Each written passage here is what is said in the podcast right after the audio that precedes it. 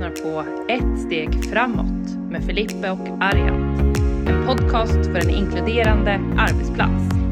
Hej och välkomna. Idag har vi ett eh, superspännande eh, avsnitt där vi ska prata om mångfald. Och eh, vi ska ja, men vrida och vända på det här ordet framförallt. Ordet mångfald. Vi ska diskutera utmaningen, utmaningarna, höra på erfarenheter men framförallt diskutera vinsten med mångfald. Och ta oss an tipsen, men hur kan vi arbeta vidare med en mer inkluderande mångfald, men framförallt huret. Så idag har vi två väldigt spännande gäster med oss, så jag lämnar över ordet, så varsågod och presentera er. Ja, men, eh, tack för att jag får vara med. Jag heter Seher Yilmaz och jag jobbar på SVT där ansvarar jag för det vi kallar för Sverigespegling. spegling. Eh, jag jobbar då med eh, vårt interna arbete i organisationen med att skapa processer och strukturer för att vi ska vara en så likabehandlande och inkluderande organisation och arbetsplats som möjligt för alla oss som jobbar på SVT. Och Susan heter jag, Susan Horén Lindberg. Eh, jag är VD på The Social Few Ehm, och jag jobbar med datadriven inkludering, eh, vilket i praktiken eh, innebär att vi jobbar med att implementera inkluderande infrastrukturer hos organisationer som önskar bli mer inkluderande och mer framtidssäkrade eh, än vad de idag är. Tack. Vi har ju det här ordet mångfald som det är, det är ett ord som är väldigt eh, många använder sig av och det är ett flitigt ord som, som, som används. Men hur skulle ni beskriva mångfald? Vad betyder mångfald för er? Oj, oj, oj. Vill du börja? Stora frågan. ja, vill jag. Absolut, låt oss. Um, ja, men mångfald eh, tycker jag är eh, för mig och, och hur vi jobbar och vår filosofi, det handlar om olika perspektiv. Och med olika eh, attribut, både liksom fysiska men även icke-fysiska. Eh, där får man ju olika perspektiv med dem. Så om vi tittar på till exempel, det kan röra sig om allt från eh, könsidentitet till eh, hudfärg, eh, till eh, eh, men funktionshinder och så vidare. Med de olika attribut så kommer även olika perspektiv. Eh, mycket beroende på hur man blir behandlad, hur man blir sedd, hur man blir hörd, om huruvida man blir hörd och så vidare. Eh, och med det, så, det medför helt enkelt olika perspektiv på, på samma sak, så att säga, om man ska vrida och vända på det. Så jag skulle kortfattat säga att mångfald för mig är, innebär olika perspektiv. Superbra, tack så mycket Susan. Och eh, jag tänkte också lite om du kan berätta också drivkrafterna bakom the, the social few som du liksom hjälpt till att skapa. Vad, vad, vad var drivkrafterna där? Vad, såg du det fanns något behov när det gäller liksom, eh, att, att mäta det här med mångfald? Ja, absolut. Eh, det som, som jag brukar säga att eh, när, när mina kollegor och jag lämnade eh, ett fast jobb, varsitt fast jobb för att göra detta precis innan covid, då, då ska man ha ganska starka drivkrafter, mm. tänker jag. Eh, annars är det dumt. Nej, givetvis. För oss så handlar det om att eh, det pratas mycket om mångfald och det, det har pratats om det sen, jag skulle nog säga, ja men 90-talet. Eh, så, tidigt 90-talet. Någonstans runt 2015 började det komma ut eh, intressanta rapporter, bland annat från McKinsey, där man kunde eh, liksom etablera att ja, men, det finns en, en koppling mellan det som många refererar till som mångfald och innovationstakt och tillväxt och så. Det tyckte vi mm. var spännande. Kanske inte något helt nytt, men eh, spännande liksom att det på något sätt knyts ihop. Det som däremot hände var att eh, så fort det nådde oss i Skandinavien så började vi prata om mångfald på ett eh, väldigt, vad ska man säga, vi började prata mycket om mångfald men vi visste inte riktigt vad vi pratade om. Eh, för mångfald är ju fortfarande än idag väldigt subjektivt. Eh, för vissa innebär det, eh, menar, när man pratar om könsidentitet eller kön överhuvudtaget, men då, då jobbar man med, med mångfald enligt många och eh, Enligt andra så kanske det handlar mer om, om eh, etnisk identitet eller etnicitet och för vissa är det funktionshinder och för vissa är det en kombination av vissa perspektiv men inte alla och så vidare. Det i sin tur gjorde det väldigt svårt att ta på och mäta. Mm. Det är också eh, väldigt svårt att eh, liksom kunna se effekten på det arbete som man gör när man jobbar med mångfald. Eh, och vår drivkraft bottnar mycket i att se till att, att vi, slutar, vi inte slutar vid att prata mångfald utan att faktiskt göra mångfald. Mm. Eh, vad det nu mångfald nu innebär så att säga. Eh, men, men eh, det vi tittade på mycket är att identifiera eh, vilka perspektiv innebär mångfald så att säga. Och det är väldigt många olika perspektiv.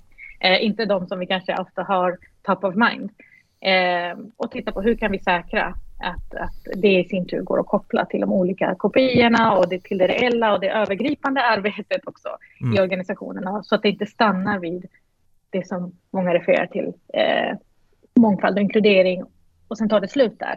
Och det första man sparar på, när, när man, eller man, man tar bort när man behöver spara pengar i en organisation, har vi sett är just mångfald och inkludering. Ja. För det, det har varit ett lager på ett befintligt arbete istället för liksom en del av DNA och en del av det befintliga arbetet. Och det är där vår drivkraft eh, kommer mycket. Att, att eh, vi har ofta, vi är själva minoriteter också, vi som, som jobbar i organisationen eh, mm. till större del, skulle man säga. Mm. Även vi grundare. Uh, och givetvis har vi egna erfarenheter av det och vad det innebär. Så det är en kombination skulle jag säga, både liksom det, eh, det, det pragmatiska, liksom det här datadrivna och liksom baserat på de kompetenser och kunskaper vi har. Men även givetvis på, på det vi har sett och upplevt själva. Och vi vet ju mycket väl vad det här kan innebära om man inte gör det på ett bra sätt. Så att säga. Så att det är väl en kombination. Eh, nej, se här, eh, du har ju jobbat med de här frågorna under en lång tid och har ganska mycket erfarenhet eh, när det gäller mångfald och inkludering. Och vad, vad, betyder det här ordet för dig, mångfald? Ja, men jag är ju inne på samma, det vore ju konstigt kanske om vi hade två helt olika definitioner av ordet. Eller kul! Ja, ja eller kul, men eh, ja, precis. Nej, men, så här, det är ju en mix av olikheter. Alltså, för att göra det väldigt, väldigt så här, Enkelt. jätteenkelt. Och de olikheterna kan ju, precis som Susanne är inne på, vara en rad olika saker. Men det jag tycker är intressant här är att Susan pratar om att göra mångfald. För bara mångfald i sig, alltså att vara överens om att här, en mix av olikheter är bra. Eh, där tror jag ändå att vi liksom i alla fall har, är rimligt överens om att en mix av olikheter är positivt. Um, men görandet, det är ju det som också är ofta det knepiga, det är det som utmanar. Jag personligen använder liksom inte ordet mångfald så himla mycket längre. Mm. Uh, för jag upplever att det inte utmanar organisationer. Alltså alla ställer sig upp och säger så här, ja vi här är vi för mångfald, det är inga konstigheter. Mm. Um, och så skriver man det i ett fint papper eller så säger man det på sin hemsida när man ska rekrytera. Och, vi, Men det är ju namn... ja, och, och vilka ord använder du istället? Där? Jag tänkte fråga dig liksom direkt där. Vilka ord, alternativa ord använder du? Men jag är mer ute efter så här, vad är det jag faktiskt vill? Mm. Alltså istället för att säga, det är som att säga så här, här vill vi ha på helheten en jämn könsfördelning. Ja, det kan man ju ha rent representativt på helheten i en organisation och säga så här, här är vi 50-50. Det är ju också en del av en mångfald egentligen, eh, i och med att det är en mix av olikheter. Mm. Um, men då kanske man inte lägger in så här, men vilka är på vilka positioner, vilka får prata, vilka blir hörda, eh, hur ser liksom maktfördelningen ut? Det finns ju en massa andra saker som döljs under det där och därför mm. så är jag ju mer då i så fall inne på att säga, men okej, hur jobbar vi med jämställdheten och upplevelsen av hur vi är som organisation? Och samma sak skulle jag säga kopplat till mångfald. Alltså att vi bara ska vara en mix av olikheter som vi dessutom inte riktigt har definierat vad vi behöver för olikhet utan bara vi ska vara lite olika. Eh, utan att lägga in en aspekt av men vilka tar plats, när, hur. Eh, det tycker jag då inte utmanar. Jag försöker allt oftare prata mer om vad det är jag faktiskt vill. Ja, men här ska vi vara jämlika eller här ska vi vara inkluderande gentemot den olikhet som finns. Så att vi inte bara stannar i en mix av olikheter. För då är det också väldigt lätt att man tittar runt sig i rummet och säger så här, men vi är ju olika. Vi håller ju på olika fotbollslag, kör olika typer av bilar. Vi, vi är inte likadana, vi växte inte upp i samma hem hela högen. Nej, så kan det ju vara. Det är ju liksom viktiga aspekter beroende på vad man jobbar med. Men det är ju inte det vi pratar om. Vi pratar ju om att utmana men, en, en maktstruktur eller en, en norm, ett sätt vi har vant oss vid att eh, se på kompetens eller på vilka som får ta plats i olika sammanhang. Och det liksom, jag vet inte, när man säger så här, vi är för mångfald, så är det inte samma sak som att säga vi vill utmana sakernas ordning. Eh, och det är ju det jag vill komma till. Vi vill utmana sakernas ordning. Mm. Eh, så därför är jag liksom lite så bara, ja ja, säg att ni är för mångfald, men hur gör ni då? Mm. Mm. Eller, jättespännande. Uh, Susan? Ja, eller det absolut bästa eh, när man hör vi vill rekrytera mångfald. Eh, och, och, då blir jag väldigt konfunderad kring vad det i praktiken innebär. Rekrytera mångfald har gått och blivit ett väldigt, ja men vad ska man säga, det betyder absolut, absolut ingenting. Mm. Jag tror i slutändan så när man tittar på liksom inkluderingsarbetet, för det är i grunden det det, det behöver landa i, så handlar det om att eh, vara tillgänglig som organisation för alla. Alltså har man de kompetenser som behövs så ska det inte spela någon roll mm. vem du är, var du kommer ifrån och så vidare. Och så vidare. Det är i grunden det det rör sig om. Och eh, det, det, även om vi går in i organisationer och mäter och tittar på men hur stor andel av X-perspektiv och Y-perspektiv det finns, så är det i slutändan för att identifiera och se vilka perspektiv har vi varit bra på att vara öppna för och vilka har vi varit mindre bra på att vara öppna för och tillgängliga för.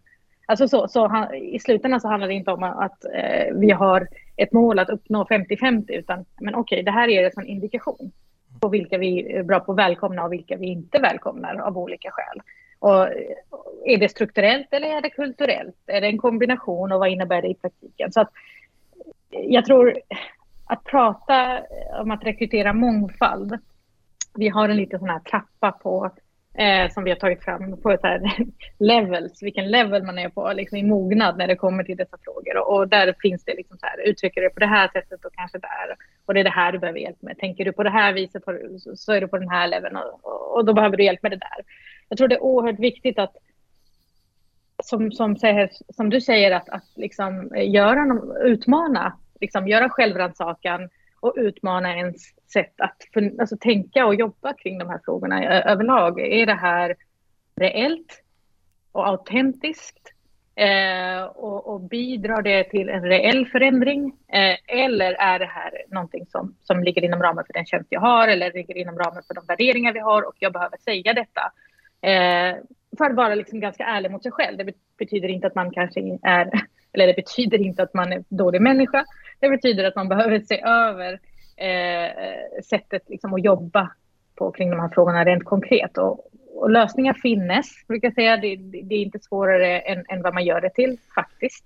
Jag har varit i många organisationer där det har varit liksom lite sådär, jag ska inte säga ängsligt, men man har varit lite orolig. Vad innebär det i praktiken? Är det liksom, behöver vi göra om hela vår infrastruktur? Nej, men vänta, ta det lugnt. Mm.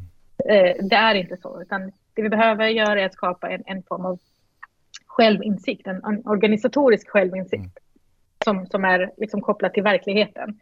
Och därefter titta på eh, hur, hur gör vi detta, eller hur gör ni detta på bästa sätt framåt? Men utan självinsikt, utan liksom att bara ha den här bilden av, av, hur är vi som organisation, vilka är vi öppna för, vilka är vi inte öppna för. Mm. Utan den så famlar man lite i mörkret. Alltså så upplever jag. Eh, så att jag, absolut, som du säger så här, utan vi kan prata mångfald hur mycket som mm. helst. Eh, I slutändan så handlar det om, om uh, inkludering. Eh, att liksom är vi tillgängliga? Och mångfald som uttryck, jag håller med, jag använder inte det heller. Vill man prata om det man vill åstadkomma, till exempel jämlikhet eller jämställdhet, ja, då är det det man ska, man ska prata om. Eh, sen så, så förbjuder ju såklart ingen ordet mångfald. Men jag, jag, personligen så jag, använder inte jag det superflitigt kan jag inte påstå. Men, men, kan det vara så lite grann att ordet har använts så pass mycket så att det har ju tappat lite värde också liksom med vad, vad, det, vad det i slutändan betyder. Men jag tänker på att ni båda två har nämnt nu mycket om att eh, ja, ordet har använts och det är liksom inkludering, olikheter. Men är det besvärligt för företagen eller saknas det mod att, att liksom just jobba med de här frågorna? För att jag menar det finns ju skulle vi nu liksom alla fyra här nu sitta och börja googla på olika företag så ser man ju deras värdegrunder, vad de står för men varför är det så pass stora skillnader ändå på något sätt? Alltså är det, är det besvärligt eller är det liksom saknas det mod eller kunskap? Vad, vad tror ni? Vad, vad är det som gör att det liksom faller när man, när man går ut på golvet och tittar hur ser det ut egentligen med jämlikhet och så vidare? Alltså, det är, jag skulle svara så här, ja men det är väl all, all, alla ovanstående alternativ du ger här. Eh, I en del organisationer tror jag att det saknas liksom vilja Det får man vara ärlig med. Man Mm. säger det för att det ser snyggt ut. Ehm, Men man vill egentligen inte förändra, man vill inte utmana. Eh, Och där brukar jag liksom, det är klart man kan använda ordet mångfald, men då vill jag fråga så här, mångfald av vad då? Ni kan inte bara säga att vi vill ha mångfald här, utan vad är det ni saknar, vad behöver ni fylla på med? Men det kan ju också handla om kunskap och okunskap. Det finns jättemycket tankar och idéer om vad man får och inte får göra där ute som blir handlingsförlamande, som har blivit sanningar. Exempel på det, det är liksom, jag tänker det som Susan och The Social Few går in och hjälper till med. Alltså där man har en bild av att man får inte mäta mångfald i någon slags bred bemärkelse i Sverige. Det är olagligt. Ja, så då kan vi inte göra någonting överhuvudtaget. Och så då får man ju gå in och säga så här, ett, det är inte olagligt. Två, mäta är inte heller det enda man kan göra. Det är en bra utgångspunkt, men det är inte det enda man kan göra. Eh, så, det är klart att det är liksom, det är väl en, en kombination av alla de där sakerna. Och jag skulle också säga att om man tar en internationell utblick så är vi rätt omogna i Sverige fortfarande. Vi har en lång och viktig liksom, eh, jämställdhetsrörelse i ryggen i Sverige som fortfarande inte är klar på långa vägar. Det har vi lärt oss att ta oss an, att prata om utan att vara ängsliga, eh, att sätta ord på. Men när det kommer till andra delar av vad en mångfald kan innebära eh, så är vi mycket mer så här, ja, men fortfarande på de tidiga stegen i organisationer. Eh, där är vi liksom inte lika långt komna skulle jag säga. Det är därför man kan gå på så här mångfaldskonferenser och så pratas det 100% om jämställdhet och så känner alla sig jättenöjda. Och så känner man själv så här, men om vi nu skulle prata om att det är en mix av olikheter så träffade vi ju bara en olikhet här. Är det verkligen då mångfald? Kalla det då för vad det är. Mm. Ett viktigt liksom, eh, samtal om jämställdhet. Ja, jag, jag håller med. En grej jag skulle vilja nog lägga till, framförallt det vi har sett i organisationer som vi går in i, är bristen på kunskap kring dessa frågor. Det är ofta det som eh, bromsar många gånger. För vi jobbar mycket med ledningsgrupper och styrelser där vi ser att man har en bild av att det ska gå till på ett visst sätt eller att det är mycket svårare än vad det är och man vet inte riktigt hur funkar det i praktiken, var börjar man någonstans. Eh, men ofta så ser vi att nu eh, givetvis i de organisationer som, som har kontaktat oss har oftast fått en, en, en, någon form av insikt av att man behöver jobba med det, annars kontaktar man kanske inte oss. Men där vi ser att, att kunskap, bristen på kunskap eh, kring, kring hur man ska gå tillväga, eh, det är också eh, någonting som, som eh, har varit en bromskloss många gånger. Och, och får man göra det här, precis som Seher nämner, att eh, man vet inte riktigt, eh, liksom, finns en rädsla av att göra fel. Man vill inte ha eh, ögonen på sig på det viset att man kanske får ja, uh, cancel culture och allt vad det nu innebär. Utan man, man vill göra rätt för sig. Uh, och rätt kan man göra på väldigt många sätt givetvis. Uh, och jag är absolut för att man gör hellre någonting än inget alls. Men däremot så idag när det finns så tydliga, alltså, så bra verktyg och så bra sätt att jobba på och så liksom mätbara sätt och, och sätt som är redan bevisat liksom, att, att det funkar och så. då vet jag inte riktigt om det räcker längre att man bara gör någonting. Eh, jag vet inte om det är gott nog idag, eh, utåt sett heller. Så det finns en kombination av att alltså, antingen så gör du, eh, du är rädd för att göra för lite, och då kommer du anses vara exkluderande, eller att du gör fel saker när du väl gör någonting. Så det finns en viss ängslighet, absolut. Jag skulle nog säga det, det är ängslighet på grund av brist på kunskap på, på vad man får och vad man kan och vad man bör göra. Eh, Susan, du nämnde ett eh, väldigt bra begrepp som jag tyckte om och det var det här självinsikt. Eh, hur mm. jobbar vi med självinsikten? Hur jobbar en kommun som har problem kanske med mångfald eller en organisation eller företag? Alltså hur, hur når man den självinsikten? Vad, vad finns det för verktyg där? Och det, den här frågan mm. går ju till båda två då. Mm. Ja, det, det, är en bra fråga. Självinsikt kan, kan fås på många sätt. Eh, det vet vi även som, som individer likväl som i organisation. Och om man tittar organisatoriskt sett så är ett sätt att göra det på det är just att, att titta på, på data. Mm. Nu är vi datadrivna, vilket innebär i praktiken att man gör undersökning internt. Man både tittar på vilket data man har, alltså det kan vara Ja, men det kan vara HR-data, rekryteringsdata och all data man har, medarbetarundersökningar och så vidare till att genomföra nya sådana genom att man frågar vem man är, hur man mår och vad man tycker och allt sådär. Eh, det brukar vara en, en, bra, ett bra startskott. Ett annat exempel som vi har jobbat med är en kommun. Jag vet att ni nämnde initialt innan intervjun, innan den här podden satte igång, att, um, att man inte känner att man alltid har tillgång till ledarskapsutbildningar och så vidare. Och, så vidare. och det tycker jag är, är oerhört viktigt och där har vi hjälpt en kommun titta på just eh, hur ska vi gå tillväga för att bredda eh, skopet så att mm. säga för fler inom kommunen att intressera sig och vilja gå på eh, ledarskapsutbildningar. Det första vi gjorde var att göra det här, eh, eh liksom, vad ska man säga, eh, självinsiktsarbetet, som vi kallar för insiktsarbetet.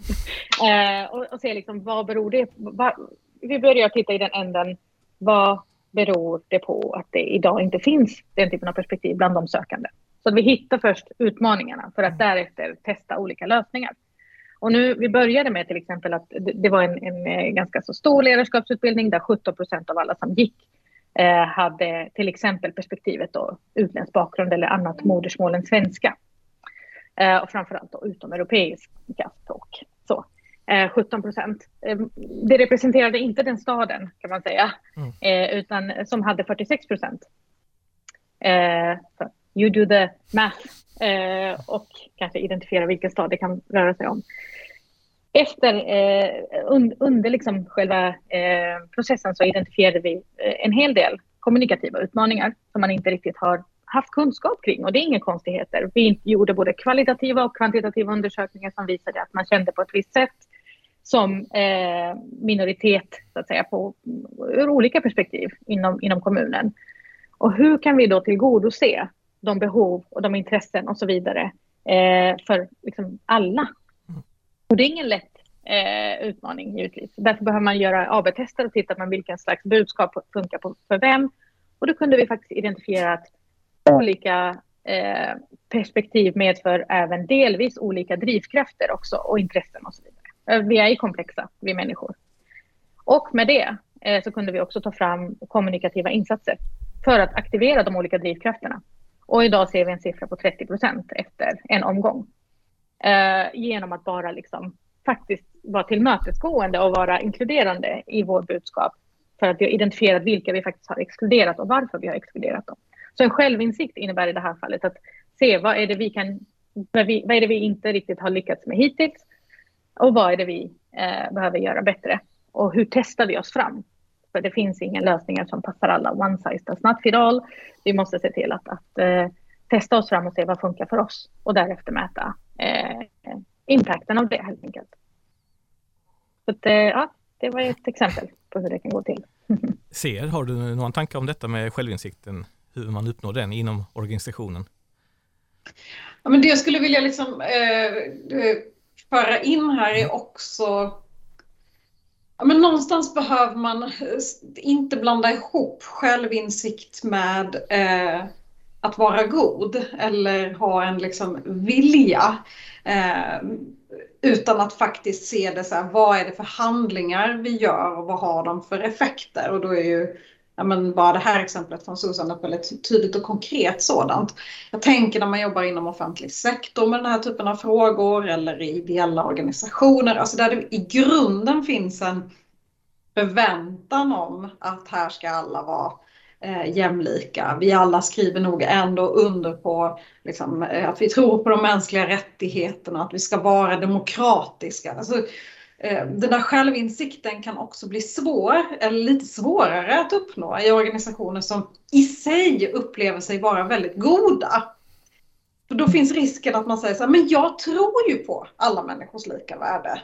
Så behöver vi nu verkligen göra något mer? Räcker inte det? Och det är ju egentligen liksom första steget på något sätt att säga, men vi är överens om att vi tror på grejen tillsammans. Och sen ta reda på, okej okay, men följer våra handlingar och de beslut vi fattar, följer det den gemensamma värderingen och värdegrunden om exempelvis alla människors lika värde eller antidiskriminering eller kalla det vad man vill. Liksom. Eh, så det där tycker jag är också en viktig liksom, aspekt av när man pratar om självinsikt, att det handlar inte om är vi goda eller onda som individer i en organisation, utan snarare så här, vad är det faktiskt organisationen gör eller inte gör som går i linje med den hållpunkt vi har. Eh, I den där kommunen att säga så här, men vi tror på att mångfalden är vår främsta liksom, vad ska man säga, attraktionspunkt för nya företag. Och, ja, men ni hör ju så här hur en kommun kan låta. Liksom. Och sen bara, ja, ja men det är vi ju överens om. Men lever vi verkligen efter det? Eh, och där kommer ju verkligen självinsikten då in. Ja eller nej. Och det behöver man ju ta reda på. Det finns ju olika sätt att göra det på. Men att inte blanda ihop självinsikt med godhet. För det är två liksom olika saker skulle jag säga. Eh, Susanne, varsågod. Jag, alltså så, eh, håller så med dig. Intressant också att titta på hur, när man tar fram den här vision och mission i olika organisationer, vare sig det rör sig om en, kommun eller det rör sig om en, ett företag eller organisation, så är man ju idag, kanske inte för, för många år sedan, men idag är vi ganska noga med att liksom titta på hur tar vi ut detta i praktiken. Eh, så, så fort vi börjar lägga till eh, liksom vision kopplat till mångfald och inkludering, det som många då refererar till som mångfald och inkludering. Vi är jättedåliga på att visa liksom, hur gör vi detta i praktiken varje dag. Alltså så här, hur mm. ser det ut i rekrytering? Hur ser det ut i organisationsutvecklingsarbetet? Hur ser det ut i och så vidare och så vidare. Vi har inte kommit så långt där vi verkligen man behöver inte sätta kopior. Alltså så, bli inte rädda när folk säger kopior. man måste inte sätta kopior. Det du behöver göra, det man behöver göra är att titta på hur ser det här ut i vardagen? Vad innebär en inkluderande organisation för oss i vardagen i de olika delarna av organisationen? För jobbar du inom kommunikation, nu tar jag bara som ett exempel, ja men då måste du jobba med inkluderande kommunikation, annars är du idag inte en bra kommunikatör om man nu ska vara krass. Det är det det innebär i praktiken. Inkluderande kommunikatör innebär helt enkelt att du gör ditt jobb bra. Så tänker jag, för att liksom hårdra det. Samma sak med eh, rekrytering givetvis. Alltså, vad innebär det i praktiken? Hur säkrar vi att hela tiden utmana oss själva i om vi är inkluderande och vi har fördomsfria ehm, eh, rekryteringsprocesser till exempel. Så att koppla det de mål, vision, mission och allt, alla de här vackra ord till eh, praktiska uttag i olika delar av organisationen. Det är det som är alltså, absolut det första eh, man bör titta på och göra. Eh, jag tänker också det kanske är intressant att diskutera den andra sidan av självinsikten. Jag tror du nämnde det C här, det här med att inte vilja, det här att inte vilja liksom eh, göra någon förändring. Eh, och ni har nämnt det kanske lite här att det kan ha med utbildning att göra, det kan ha med andra perspektiv att göra, men, men vilka, varför vill inte företag göra det här? Kan ni liksom utveckla det lite? Var, var, varför tror ni att de inte, ja, eller företag, organisationer, kommuner, varför vill inte några göra det här? Eller för, se förändringar? Jag tror att det är få som kanske säger då att ja. de inte vill, men i praktiken så är det ju det det betyder när man inte tar medvetna steg eller inte skapar liksom åtgärder som rör en framåt. Um, men det är klart att vilja kan handla om att det är resurskrävande. Det är ansträngande. Du ska förändra ett sätt som vi är mot varandra i organisationen, i hur vi fattar beslut. Ehm, det är mycket, mycket lättare att lägga ut den där jobbannonsen på exakt samma ställe som vi alltid har lagt den och göra processen på exakt samma sätt som vi alltid har gjort den. Ehm, och då kan ju liksom oviljan visa sig att ja, men vi hinner inte Vi, den här gången. Och så liksom upprepar man det där mantrat varje gång man faktiskt har möjlighet att göra på ett nytt sätt.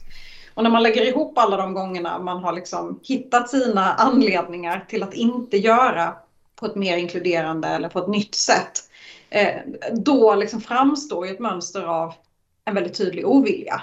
Så det är klart att det kan ju handla om menar, en känsla av att vi hinner inte, inte just nu, vi har inte råd, det kommer att kräva. Och det kommer det ju. För det är organisationsutveckling vi pratar om. Det är organisationsförändring, det är kulturförflyttning. Det gör man liksom inte över en natt. Det spelar ju ingen roll om vi ska bli, ställa om till att vara mer klimatvänliga i hur vi beter oss på jobbet. Det kommer inte ske över en natt. Det kommer ju ske av att varenda en av oss som jobbar på det där stället i vår vardag fattar andra beslut, att våra processer och policies fattar andra beslut, att upphandlingarna ser annorlunda ut allt det där kräver ju tid och energi. Ehm, och då kan man ju faktiskt bestämma sig för att säga så här, vet du vad? Vi prioriterar inte det. Sen är det ju kortsiktigt. Alltså det, det, det, kan man ju absolut säga, men det är ju kortsiktigt. Det kommer inte vara modernt, det kommer inte vara relevant och du kommer, är jag helt övertygad om, inte stå dig i konkurrensen i slutändan. Så den där oviljan kan se ut på en massa olika sätt som i slutändan kommer ner till att ständigt inte göra de små förbättringar som krävs för att vi ska bli mer öppna som organisationer. Eh, det är sällan någon ställer sig upp och säger så här, vet du vad, jag tror inte på alla människors lika värde. Det finns också där ute, mm. absolut. Men det är liksom inte det där som oviljan, liksom, så låter sällan oviljan. Oviljan låter mer, de finns inte, jag hinner inte, eh, det här var så bråttom, nästa gång ska vi. Oviljan låter på en hel del den typen av sätt. Eh, jättespännande. Du var lite redan inne på det, men jag tänkte på just det här med just, ni, ni nämnde det innan, att göra mångfald och just det här med hur ökar vi olikheter? Alltså, vad, vad, vad tror ni egentligen är kanske den största orsaken till att företag kanske, ja, nu var du kanske inne på det lite grann det här med, är det resurs, är det tid?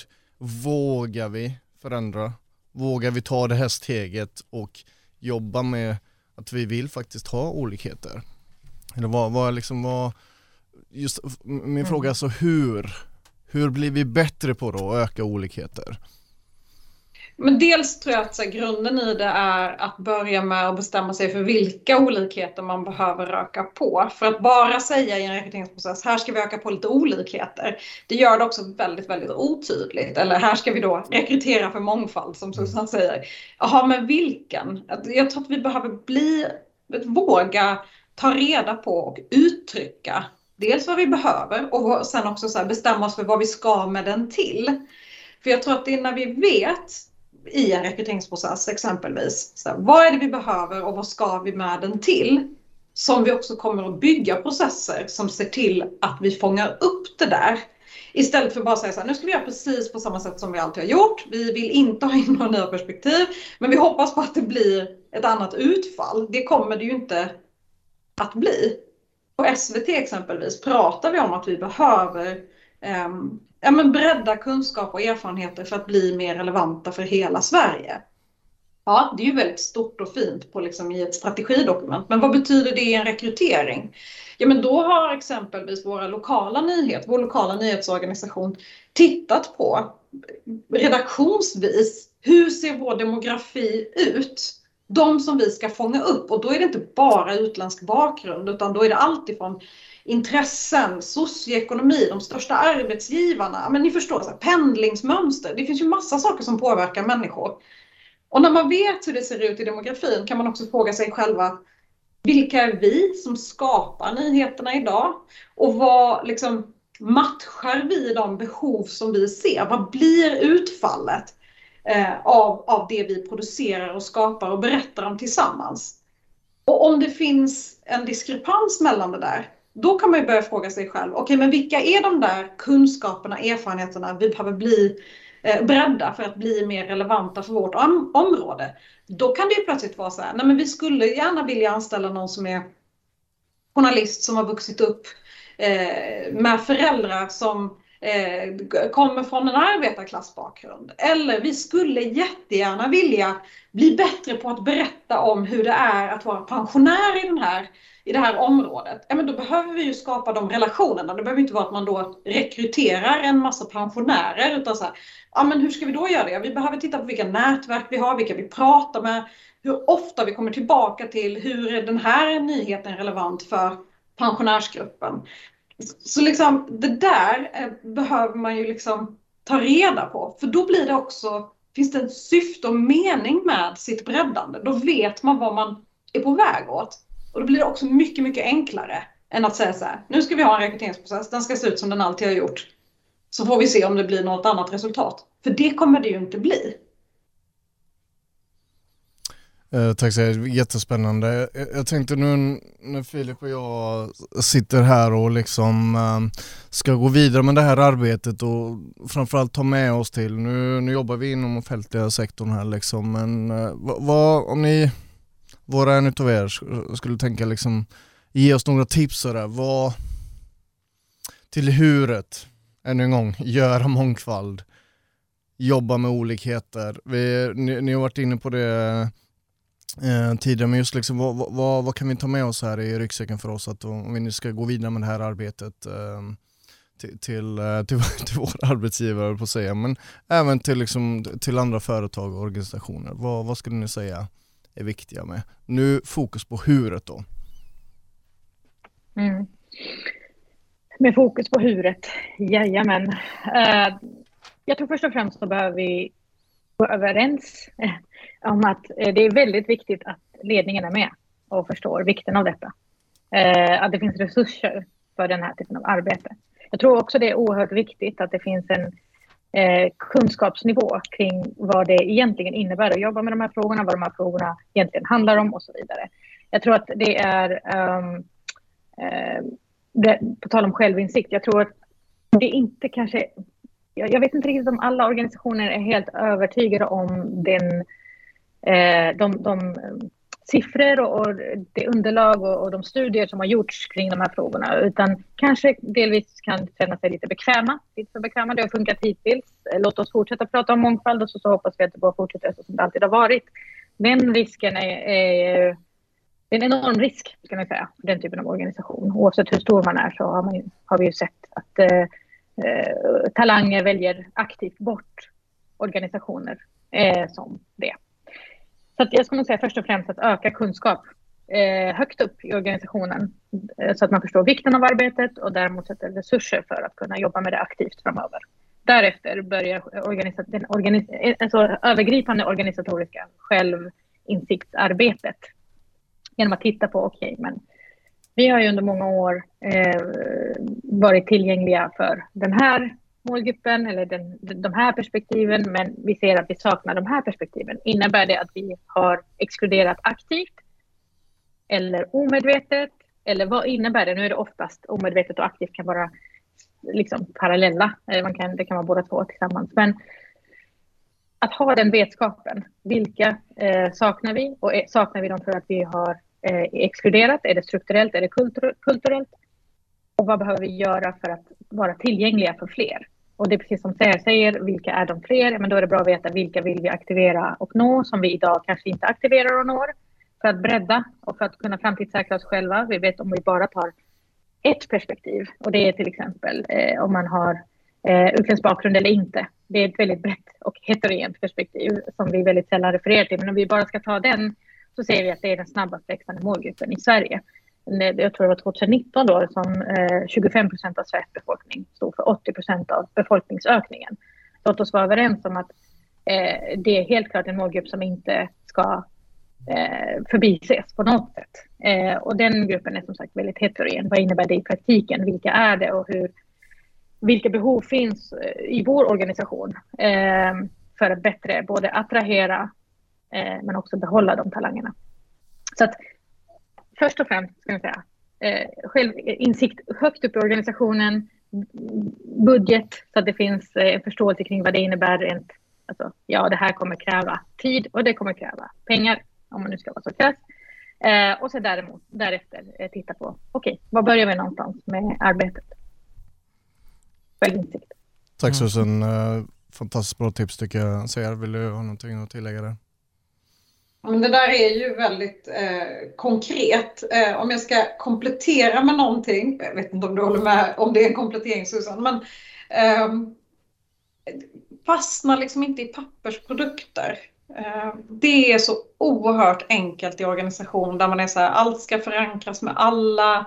Det ska liksom vara hängslen och livrem och vi ska ha kollat upp och sen så ska vi bjuda in att alla får vara med och tycka till och så går det liksom två och ett halvt år om man har jobbat med ett dokument eh, där vi ska komma överens om det ska heta jämlikhet eller mångfald.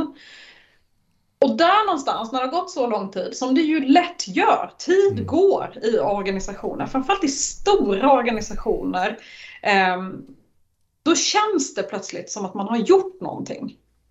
Men när man tittar tillbaka så har man ju faktiskt inte gjort någonting annat än att man har pratat med varandra och suttit på interna möten. Men att prata kan lätt liksom ersättas med en känsla av handling och åtgärder och aktivitet. Ehm, och det är klart att så här, prata är ju viktigt i organisationer och det gör man när man ökar sin kunskap och så. Men låt inte eh, handling ersättas med prata om policies och dokument. För då kommer vi liksom ha det här samtalet igen om fem år och så kommer det vara så här, men nu har vi gjort jättemycket. Och så kommer det vara så här, vad har ni gjort då? Jo, men vi har skrivit ett jätteviktigt papper. Eh, och sen dess har 30% av de som var med i arbetet slutat och folk har bytt tjänst och ja, men ni förstår. Mm. Och det där är så oerhört enkelt att fastna i, för det är också tryggt. För att göra är mycket läskigare än att mm. prata. Eh, och då är det lätt att fastna i det där. Och sen så tycker jag att liksom och det är ju det Susanne säger, men, men det, liksom mitt råd in är att här, behandla frågorna med respekt. Alltså gör det med kunskap, gör det med mandat, gör det med budget. Inte så bara, ja du tycker att det här verkar lite spännande, ja men då kan du göra det på 5% av din tjänst utöver allting annat du gör. Eh, och nej, du får inte gå några kurser och du får inte ta in några externt stöd eller, ja men som det ju ofta är, för att det är lite så här, en kul grej som någon får i uppdrag att göra. Eh, och det är inte att behandla en fråga med respekt och särskilt inte en sån här fråga som handlar om ändå framförallt för kommuner och offentlig sektor där liksom all befolkningsintressen och behov ska tillgodoses. Det, det, är en fråga som behöver behandlas med respekt och det gör man inte genom att be någon göra det lite grann nästan på fritiden. Tack så eh, Jag bara tänkte på, eh, eh, som ni säger här då Susan och, och ser, det här med att arbeta för den inkluderande arbetsplatsen där, där man lyfter upp mångfald, det, det, kräver ju tid, det kräver ju resurser. Eh, så så det, är ju ett, det är inget enkelt arbete heller, utan det är ett kontinuerligt arbete man måste arbeta med. Eh, om, om vi säger ett exempel då, eh, vi säger att det finns en kommun, där finns en ledningsgrupp där det är, det är mycket liksom, det är mycket enfald, där finns tydligen eh, utmaningar inom mångfald då. Och alltid frid och fröjd i status quo, om man säger så. Eh, hur, hur, hur, förklarar ni då för det här, den här organisationen, den här kommunen, men att mångfald, att arbeta med mångfald är viktigt. Alltså vad är liksom vinsterna med mångfald? Varför ska den här organisationen förändras? Ni har nämnt det lite tidigare, det här med lönsamheten exempelvis. Vad, vad finns det mer ni skulle kunna säga till en sån här organisation? Ja, men jag tänker i en kommun kanske inte lönsamhet är som Nej. är liksom topprioritet, utan det handlar ju mer om relevans. Det handlar om att titta på hur når vi målgrupper vi behöver nå. Det handlar om liksom, inkludering av befolkningen i de åtgärder eller liksom saker man har för sig. Eh, det handlar ju om att vara till för sina medborgare och invånare. Och det är liksom ingenting man kan välja bort. Eh, och på sikt är det klart att så här, det kanske inte är lönsamheten vi tittar på. Men däremot kommer vi ju få eh, en hållbarhet i de beslut vi fattar, alltså att de håller över tid. Eh, en nöjdhet, att man tar bättre hand om sin kommun tillsammans. Det finns ju en massa andra vinster i det där. Som ju liksom kanske trumfar att man kommer in och säger så här, vet ni vad, vi kommer spara så här många kronor på det här, eller mm. vår vinst. För liksom, kanske inte är det som är det primära varför man går till jobbet på en kommun, att göra vinst. Eh, men däremot att säga så här, den här eh, ytan för fritidsaktiviteter för unga kommer utnyttjas av x procent fler. Eh, och det kommer skapa de här effekterna på sikt över möten eller deltagande eller att den inte bara förfaller det är ju också en vinst i sig. Ehm, så där behöver man ju hitta sina egna ord i det där. Och allt det där finns det ju kunskap om. Det här är inte heller någonting som ni behöver så uppfinna, utan det mm. finns jättemycket goda exempel att använda sig av eh, tillsammans liksom, för att kunna visa på vad är vinsterna. För lönsamhet kanske inte är det första ordet man använder, men vinst kan ju se ut på massa olika sätt inom offentlig sektor. Eh, och att fullfölja sitt uppdrag är väl ändå i grunden eh, en anledning till att börja göra och jobba med frågorna. Tack eh, Susan. Jag avslutade med det så här som jag också ville lyfta, att, att uppfylla sitt uppdrag, fullfölja sitt uppdrag eh, som kommunen har. Att helt enkelt eh, ha en djupare förståelse för de man representerar och de man faktiskt ska serva i slutändan så är det tjänster eh, vi eh, tillhandahåller för eh, de som bor i staden. Och det är inte alltid så det funkar idag tyvärr. Man ser att det finns en, en diskrepans kring liksom vilka det är som, som bor i kommunen eh, och vilka det är som jobbar på kommunen när det kommer till perspektiv, vilket också sen eh, liksom skapar delvis polarisering eh, i olika i samhället så att säga. Eh, så därför menar jag på att det är oerhört viktigt. Sen är det ju, vill vi framtid, när, när man pratar om framtidssäkring i kommun, då handlar det kanske inte om så att, att existera. Kommuner kommer ju existera, mm. eh, hoppas vi. Gud. Eh, men eh, det handlar mycket om att kom, alltså, eh, kompetensförsörjning och så mm. vidare. Vi behöver få in perspektiv. Vi behöver få in unga, tal unga talanger om man nu ska vara så. Mm. Vi behöver talanger överlag, som många då refererar till. Vi vill att eh, nyexade ska vilja jobba på kommuner. Mm. Eh, det vi ser idag är att det många gånger inte är så.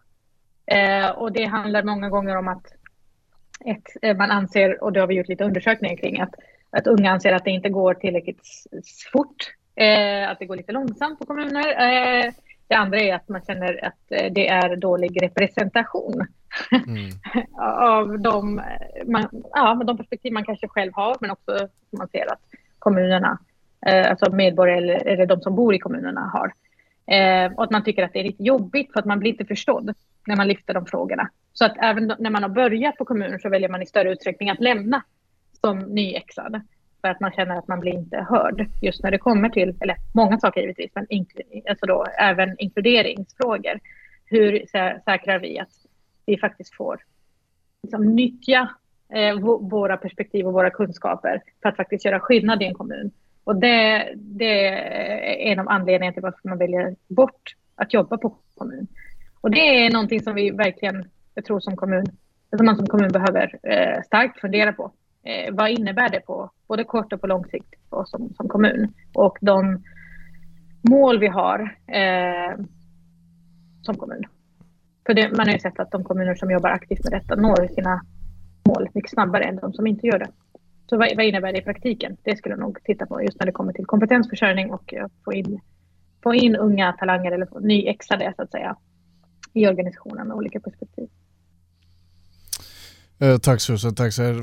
Fantastiskt eh, bra konkreta förslag tycker jag, tips men också att ni har delat med liksom era erfarenheter framförallt med det ni jobbar med idag men också men, men, men, lite grann vad, vad, vad, Filip och jag kan ta med oss här och lite grann vad vi kan, vad vi kan göra. Liksom jag, har både, jag ser att både Filip och jag vi har antecknat jättemycket.